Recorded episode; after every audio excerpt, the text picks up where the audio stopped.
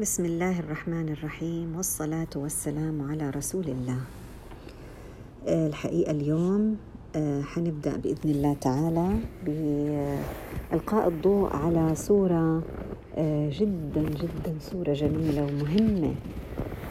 وبتجاوب على أسئلة كتير وبتعطينا مهارات معينة في حياتية.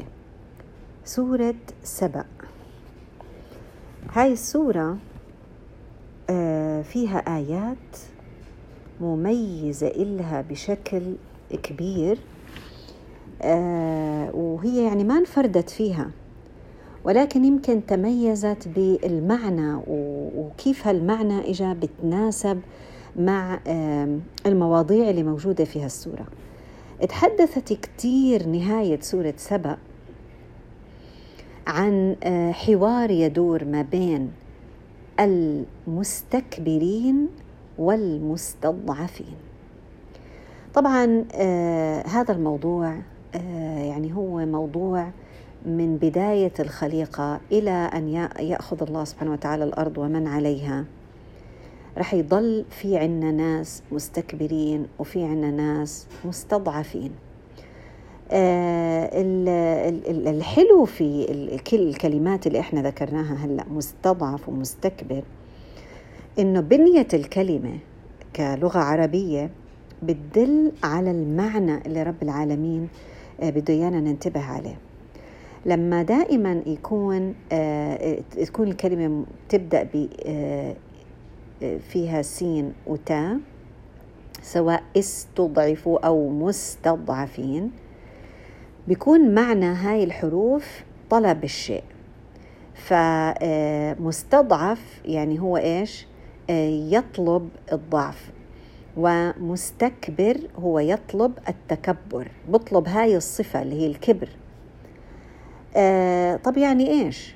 يعني إحنا لما نيجي نقرأ هاي السورة بدنا دائما نذكر نفسنا بهذا المحور بهذا الجو. إنه سبحان الله آه الناس اللي بيطلبوا ال ال ال الكبر اللي هم المستكبرين أو اللي بيمثلوا إنهم ضعفاء هدول كأنهم بيعيشوا في أوهام القوة وأوهام الضعف. يعني هدول الناس اللي هم أصلا مش كبار لأن الله سبحانه وتعالى هو الكبير. والشخص بيكون كبير بقيمه بمبادئه بقراراته باتباعه للحق. هذا هو الإنسان الكبير حقا اللي هو دائما عنده آه، يعني صفات دائما آه، جميلة وقيم آه، عالية. والإنسان الضعيف هو اللي فعلا يعني فيه فعلا هذا الضعف. لكن الإنسان بشكل مطلق هو بيختار وين بده يحط حاله بأي فئة من هاي الفئات. هل بحب يكون من المستكبرين اللي هم بيوهموا الناس إنهم هم كبار لكن في الحقيقة هم مش كبار؟ ولأنهم هم بيوهموا الناس بهذا الإشي. الناس الضعاف وهما حتى يخدموا أجندات هدول الناس المستكبرين أقنعوهم إنكم أنتم مستضعفين. وأقنعوهم إنكم أنتم ما بتقدروش تمشوا في الدنيا بدون ما أنتم تلجأوا لنا. ليه؟ إنه حتى يحققوا لهم مصالح. إذا هدول طلبوا الكبر والتكبر والمنزلة العالية الكبيرة بأوهام والتانيين صدقوهم وصدقوا هذا الوهم وبالتالي اتبعوا المستكبرين كمان بأوهام إلا أنه الإنسان هيك بتنتهي السورة عشان إحنا نربطها في البداية السورة بتنتهي إنه الحق يجب أن يغلب مين الحق؟ مين أصحاب الحق؟ لا هم المستكبرين ولا هم المستضعفين أصحاب الحق هم الأقوياء في هذا الحق اللي عندهم الحق بغض النظر هم أغنياء هم فقراء هم في منصب قوة هم في منصب ضعف هم أيا كان موقفهم ومكانتهم في هذا آه، أو على الأرض هم طالما إنهم يعني يتبعون الحق وبيعرفوا الحق إذا هم أقوياء في هذا الحق. طبعا لابد أن يظهر الحق وينتصر في النهاية على الباطل. ولكن إحنا بنلاحظ كأنه ديدن الله سبحانه وتعالى على هذه الأرض إنه يخلي للباطل آه، جولات وللباطل آه، جولات طويلة آه، يعني يغلب فيها الحق وبكون مبين إنه هو غالب ولكن برضه وهميا. ليه؟ لأنه هذا ابتلاء من الله سبحانه وتعالى. هو في النهاية الحق سيغلب. لكن الشاطر اللي بده ينتظر للنهاية ربنا بده يبتلينا ويختبرنا ويشوف قديش بالنا طويل قديش إيماننا بالله سبحانه وتعالى واعتمادنا عليه جل جلاله وثقتنا فيه قديش هي ثابتة وقوية. أحسب الناس أن يتركوا أن يقولوا آمنا وهم لا يفتنون. لو اتجهنا لوسط ومركز السورة لوجدنا أن سورة سبأ أخذت اسمها من سبأ. وسبأ يعني هي آه، بلاد كانت تشهد آه، ازدهار واقتصاد كتير كبير. وهذا كله كان قائم على آه، منتجاتها وتنوع منتجاتها الزراعية. وبعدين طبعا كانت تصير في تجارة بهاي المنتجات وكانت لهم رحلة تجارية ببيعوا فيها هاي المنتجات كانت تمر بطريق هذا الطريق في قرى ظاهرة شو يعني قرى ظاهرة؟ يعني في مراكز مدنية طول الطريق إيش معنى الحكي؟ معناته هذا الطريق كان آمن ما كان طريق آه يعني آه مرتع للصعاليك وقطاع الطرق ولأنه هو يعني مكان تجارة. لا كان عامر بالقرى الآمنة والمراكز على طول الطريق. طبعا آه، قطاع الطرق هون ما بيقدروا إنهم هم آه، يعملوا اللي كانوا يعملوه من إنهم يسطوا على قوافل التجارة. وبالتالي ياخذوا ويصيروا أغنياء وياخذوا هاي المنتجات بدون وجه حق. يعني بمعنى آخر انحرموا من الوهم اللي عيشوا حالهم فيه إنهم هم أقوياء وإنهم هم أغنياء. آه رغم آه يعني آه ميزة الأمر أنه الطريق كان آمن إلا أنه كان بالنسبة لهدول الناس المتوهمين بأنهم هم أقوياء كان عيب ليه؟ لأنه كان يقلل من أرباحهم ويمنعهم من أنهم هم يحتكروا هاي البضائع ويرفعوا أسعارها وبالتالي يعني يكونوا هم مصدر هذه البضائع هدول الناس طبعا هم اللي كان لهم السيطرة ففضلوا التضحية بأمان الطرق في سبيل أنه أرباحهم تزداد حتى لو كانت بطريق يعني غير صحيح. فقالوا ربنا باعد بين أسفارنا وظلموا أنفسهم. دعوا. يعني بدأوا يدعوا الله سبحانه وتعالى أن يباعد بين الأسفار. ما يكون في بينهم هاي القرى الظاهرة والمراكز الآمنة. وظلموا أنفسهم فجعلناهم أحاديث ومزقناهم كل ممزق. إن في ذلك لآيات لكل صبار شكور. طبعا أوهام القوة خلت قوم سبأ يتصوروا إنهم رح يكونوا قادرين إنهم يحققوا ويقدروا يحافظوا على هذا الأمن في القوافل. وبنفس الوقت إنهم هم يحتكروا التجارة ويحققوا المزيد من الأرباح. لكن هاي الضربة جاءتهم في مصدر تجارتهم آه، في المنتجات الزراعية. فانهار سد مأرب وأدى إلى أكبر هجرة من اليمن إلى الجزيرة العربية. آه، أيضا تضم قصة وهم آخر آه، اللي هو وهم الجن. الجن كانوا بيعملوا أشياء ما بيستطيع البشر إنه يفعلها. كانوا كثير متقدمين بطريقة آه، على بقية البشر.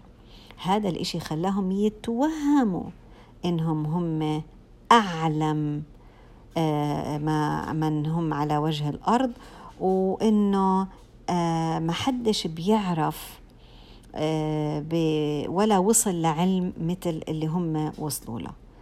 طبعا إلى أن اصطدموا طبعا بعدم معرفتهم بوفاة سليمان عليه السلام رغم أنه مر على وفاته الوقت الطويل.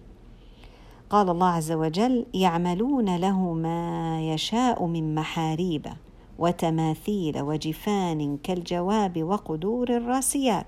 يعني أنواع مختلفة من القدور ومن التماثيل والمحاريب. طبعا التماثيل لم تكن محرمة في ذلك الوقت. المحاريب آه،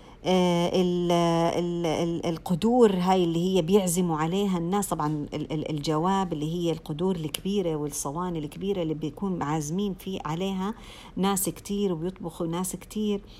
طيب كانوا معروفين ب آه، يعني آه، عملهم يعني بالنحاس وبالحديد. فقال الله عز وجل اعملوا آل داود شكرا وقليل من عبادي الشكور. فلما قضينا عليه الموت ما دلهم على موته إلا دابة الأرض تأكل من سأته. فلما خر تبينت الجن أن لو كانوا يعلمون الغيب ما لبثوا في العذاب المهين. آه هذا الإشي بيحدث هالأيام كتير سبحان الله.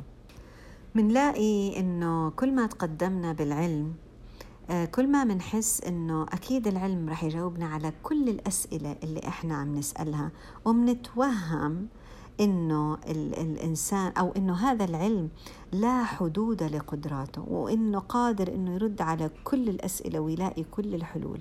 وهذا وهم شائع جدا اليوم وهو سبب كبير من أسباب الإلحاد. لأنه بكل بساطة وفوق كل ذي علم عليم. في أشياء كتير ما بيقدر العلم إنه يجاوب عنها. ولكن منعيش حالنا في هذا الوهم إنه أكيد العلم بيقدر يجاوب على كل إشي وحتى لو ما جاوب فهذا جواب. وهذا الإشي طبعا بيحرمنا إنه إحنا نبحث عن الحقيقة فعلا وقد تكون الحقيقة ليست فقط مقيدة قوانين علمية.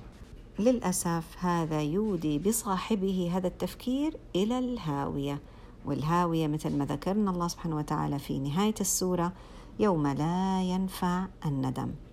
سورة يعني مليئة بالتشبيهات والتصوير. الله سبحانه وتعالى يضعنا في الموقف اللي سيحدث يوم القيامة. والله سبحانه وتعالى يتحدث دائما عن يوم القيامة وكأنه شيء حدث وهذا دليل إنه هذا ما سيحدث بالفعل. ليه؟ بخلينا نشعر الله سبحانه وتعالى بالألم الندم الذي يعتصر قلب الناس اللي أوهموا حالهم إنهم ضعاف وما إلهم قرار. بس كل إنسان فينا قوي بالله وبقربه من الله عز وجل. دين العزة نلاحظ قديش رب العالمين آه، يعني ذكر اسم العزيز الحكيم في هاي السورة. لكن لما يحطنا في الموقف الله سبحانه وتعالى ونتخيل حالنا ونسمع الحوار آه، بنحس بفعلا إحنا ما بدناش نكون في موقف الندم لأنه جدا صعب موقف الندم خاصة يوم القيامة. ليه؟ لأنه لن لن يعود الزمن فينا ولن تعود أصلا الأرض. خلاص اللي صار صار وهلأ هاي مرحلة جديدة ما في فرصة تانية. فالله سبحانه وتعالى بده يدوقنا هذا الشعور حتى إحنا نقرر قرارنا الصحيح وإحنا الوقت في صالحنا.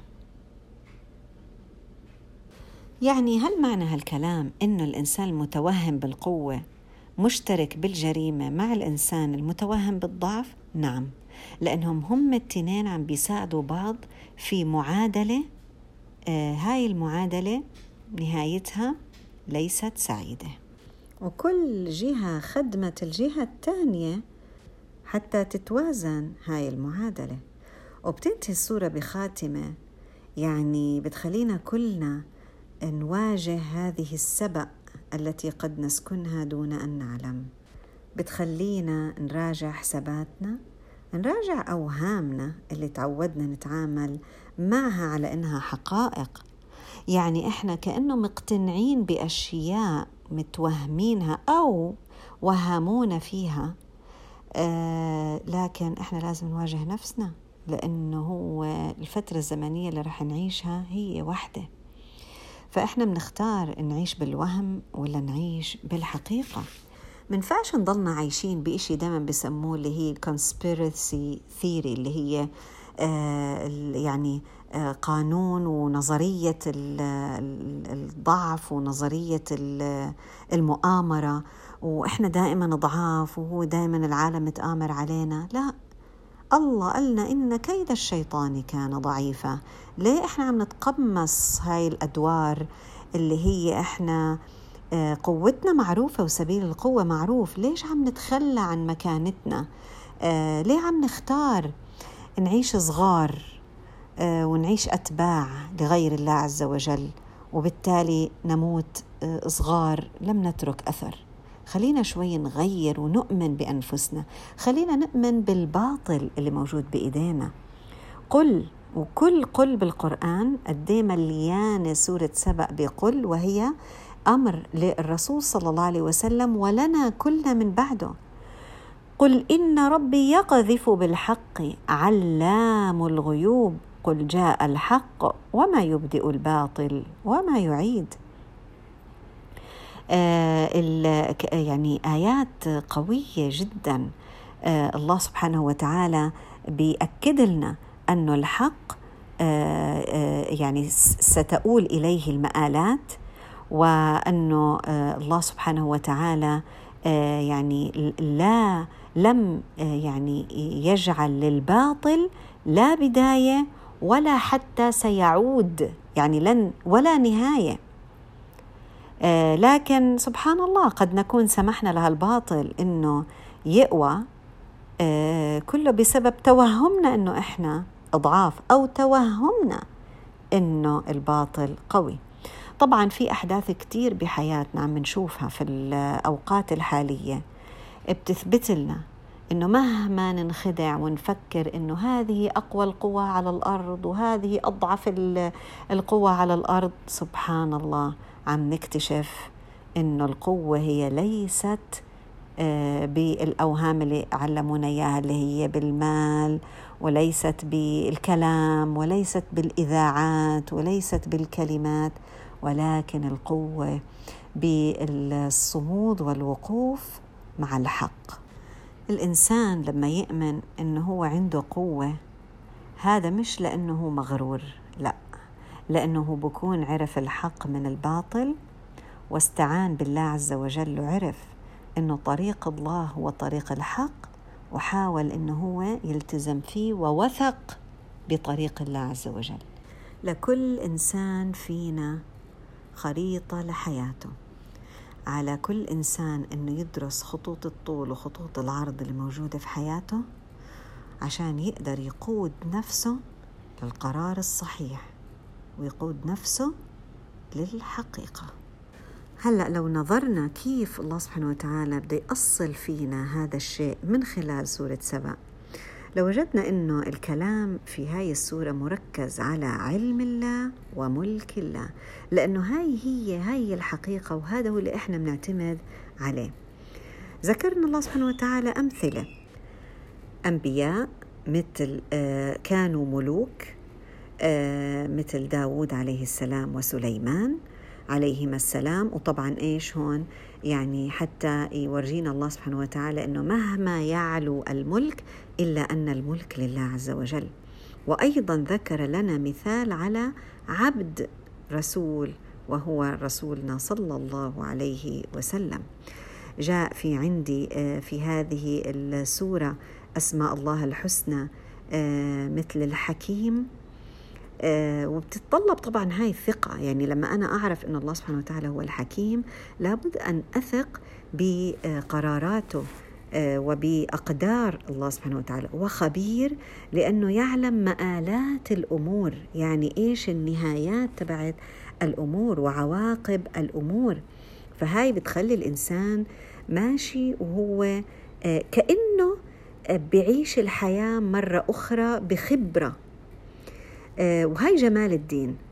الدين وتجربة الرسول صلى الله عليه وسلم وكل القصص اللي موجودة في هذا الكتاب الحكيم كلها بتعطينا حكمة في التعامل مع أمور حياتنا وكأنه إحنا منعيش آه، نتيجة خبرة سابقة. سبحان الله. أيضا تلقي الآيات الضوء على ملك الله سبحانه وتعالى. قديش لو أحصينا كلمة الرزق والأرزاق والأموال آه، في هذه السورة. آه، لاكتشفنا أنه مهما يتوهم الإنسان أنه هو عنده من الملك إلا أن الملك الحقيقي لله عز وجل. إذا على صفة الملك جاءت قصة سبأ وعلى صفة العلم جاءت قصة الجن آه، اللي توهموا إنهم هم يعني يعلمون الغيب. أي شخص بيقرأ هاي السورة المفروض يطلع بهذه العزة آه, آه، إنه هو يعرف الحق ويطلب الله سبحانه وتعالى إنه يعينه على أن يتبع ويثبت على الحق. هذا الشيء وهذا المعنى كان جدا مناسب لما نعرف ليش أو الجو اللي نزلت فيه سورة سبأ. نزلت سورة سبأ لما كان المسلمين آه، بعد ما أنهوا الحصار ثلاث سنوات في شعب أبي طالب طبعا وصلوا لدرجة من الحصار ومن المقاطعة آه إنه كانوا يأكلوا آه يعني أوراق الأشجار. حتى بيقولوا العلماء يعني كان حتى يعني آه فضلاتهم تشبه فضلات الحيوانات لأنه ما فيها هي معتمدة فقط كانت على أوراق الشجر سبحان الله. كان الوضع صعب جدا آه، إلا أن الله سبحانه وتعالى يعني جاء الفرج من عنده فأرسل أرض وهذه هي جنود الله عز وجل يجندها ويسخرها متى شاء وكيف ما شاء وفي الوقت اللي رب العالمين يقرره. فالله آه، سبحانه وتعالى أمر هذه الأرض اللي هي زي العتة هيك أو يعني هذه الحشرة أكلت تلك الصحيفة. هم كانوا حاطين هاي الصحيفة قريش آه، صحيفة المقاطعة في الكعبة كاتبينها وحاطينها في الكعبة. طبعا كانت مقاطعة شاملة لكل مناحي الحياة اجتماعيا اقتصاديا ما بتزوجوا منهم ما بزوجوهم ما في يعني حاصروهم من كل النواحي. إلا أنه في بعض الناس من قريش ما كان عاجبهم هذا الوضع وبعد ثلاث سنوات شعروا إنه هذا ظلم وهم مش راضيين عليه فحاول يعني بعضهم يتحرك باتجاه إنه خلينا إحنا آه، ننقض هذا ننقض هذه المقاطعة اللي هي ظالمة. آه، فاتفقوا في أحدهم كان يعني بادر إلى أنه هو بده ينقض هذه المقاطعة ولكن اتفقوا مع بعض صاروا أكثر من واحد. فعلا اجتمعوا هم بدهم آه، يعني آه، يفكوا هذا الحصار إلا أنه بيجيهم أبو طالب بخبر من الرسول صلى الله عليه وسلم وبخبرهم أنه أخبر جبريل الرسول صلى الله عليه وسلم إنه في أرضة. هاي الأرضة هي مثل النمل الأبيض اللي بتاكل هذا الخشب ولك زي العتة إحنا بنسميها جاءت وأكلت الصحيفة. وهم طبعا كانوا معلقين هاي الصحيفة في آه، جوف الكعبة ففتحوا الكعبة ووجدوا إن الصحيفة فعلا قد أكلتها الأرض ما عدا باسمك اللهم وأيضا اسم الله سبحانه وتعالى أينما وجد في هذه الصحيفة. فعرفوا طبعا آه، وكان ذلك بمثابة فك لهذا الحصار وانتهاء المقاطعة في ذلك الوقت. لو لاحظنا دور الأرض وهي جندي من جنود الله عز وجل. في كل القصص الثلاثة اللي موجودة في هذه السورة. طبعا هي سورة نزلت لتسلي وتخفف عن الرسول صلى الله عليه وسلم وعن الصحابة إنه انظروا العلم والحكم آه، والحكمة والعزة بيد الله عز وجل. ف آه، يعني لما اتذكروا يعني وأرسل لهم هاي الأرض إذا ربطوها في قصة سبأ بنلاحظ إنه الله سبحانه وتعالى لما دعوا أهل سبأ على أنفسهم كيف بده يكون قضى على المحاصيل الزراعية كلها؟ بهاي بجند من جنود الله عز وجل. نرجع بنشوف مشهد آه، الأرض ومشهد ال ال ال يعني شيء يضرب هذا الخشب كله فيأكله. ومنرجع مرة تانية بنشوف مشهد الأرض في قصة سليمان عليه السلام. لما جاءت دابة الأرض تأكل العصاية تبعت آه، سليمان عليه السلام ولم يكن الجن آه، يعلمون بموته. ما عرفوا إلا لما هذه الأرض أكلت العصاية ف آه، فسقط يعني جثة هامدة على الأرض. إذا سبحان الله الملك والعلم لله عز وجل. والله سبحانه وتعالى يسخر أضعف وأصغر مخلوقاته لتخدم أكبر الأهداف ولتثبت لنا أن الحق سيبقى في النهاية ولو كره المبطلون. لذلك كانت بداية السورة بالحمد لله الذي له ما في السماوات وما في الأرض وله الحمد في الآخرة. وهو الحكيم الخبير. آه لو قسمنا القرآن إلى أربع أرباع لوجدنا انه في الربع الأول آه، يبدأ الله سبحانه وتعالى بتعليمنا الحمد لله رب العالمين. نيجي تقريبا الربع الثاني في سورة الأنعام الحمد لله الذي خلق السماوات والأرض وجعل الظلمات والنور. ثم الذين كفروا بربهم يعدلون. بعد ذلك تأتي سورة الكهف. الحمد لله الذي أنزل على عبده الكتاب ولم يجعل له عوجا. وعندنا في سورة سبأ أيضا ابتدأت بحمد الله عز وجل. وبما إنه هاي السورة فيها آه، جولات ما بين الحق والباطل ورد فيها شيء مهم جدا. لو تأملنا فيه لتعلمنا الكثير. بدءا من الآية 24 يعلمنا الله سبحانه وتعالى طريقة وفن وأدب الحوار مع الآخر اللي هو مع الناس اللي ما بيكونوا معانا على نفس الفكر ونفس المبادئ. هدول الناس لما بنيجي نحاورهم في مبادئ لهذا الحوار. أول شيء مثلا نبدأ معهم من آه، الشيء اللي إحنا متفقين مع بعض عليه. آه بعدين ممكن آه طبعا أنا بذكر لكم اللي هي ترتيب الآيات. لو بدأنا إحنا من 24 وأخذنا الآيات سنجد ونلاحظ هاي الأشياء. بنسأل أسئلة لكن لا ننتظر جواب ونقول نعطي جوابنا. قل الله. بعدين إحنا ما بنيجي لما نحاورهم بنقول لهم إحنا صح وأنتم خطأ لا بنيجي بنقول لهم يا إحنا رح نكون صح ونقنعكم يا إما أنتم رح تكونوا صح وتقنعونا. أه هل عندكم الشجاعة إنكم تتراجعوا لو اكتشفتوا إنكم أنتم على خطأ؟ بعدين آه يعني إحنا يعني لا نستدعي العناد عندهم. آه ولكن بنقول لهم إيش؟ مش إنكم أنتم رح تروحوا ورح تنسألوا لأ. إيه كل واحد سيسأل عن نفسه. لا أنتم حتسألوا عنا ولا إحنا نسأل عنكم. كل إنسان يسأل عن نفسه. كل إنسان مسؤول عن قراراته.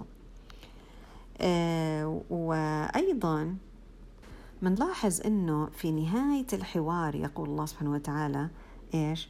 آه أروني الذين ألحقتم به شركاء. يعني إذا في عنا أي تعجيز طبعا ما حيقدروا يلاقوا شركاء في النهاية لأنه لا يوجد شريك لله عز وجل. فبنخلي التعجيز دائما آه للنهاية لآخر الحوار. ما بنبدأ التعجيز من بداية الحوار.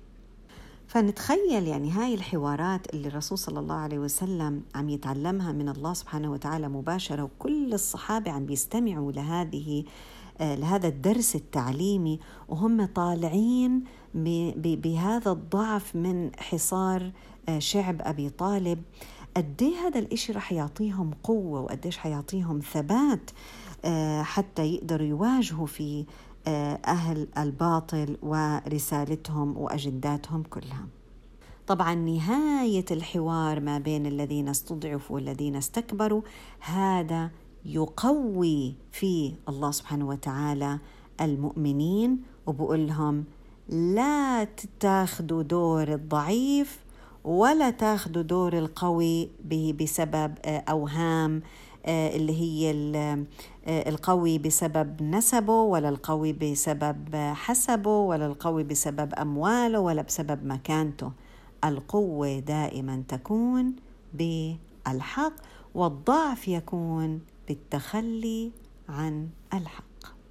ونسأل الله سبحانه وتعالى الثبات ونسأله النصر لأن النصر هو مش فوز ب ب ب أو, أو انتصار في معركة معينة أو فوز بمغانم معينة.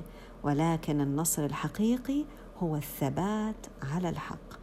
نسأل الله سبحانه وتعالى ذلك لأن الثبات على الحق لا يكون إلا بفضل الله عز وجل. نسأل الله سبحانه وتعالى من فضله. والسلام عليكم ورحمة الله وبركاته.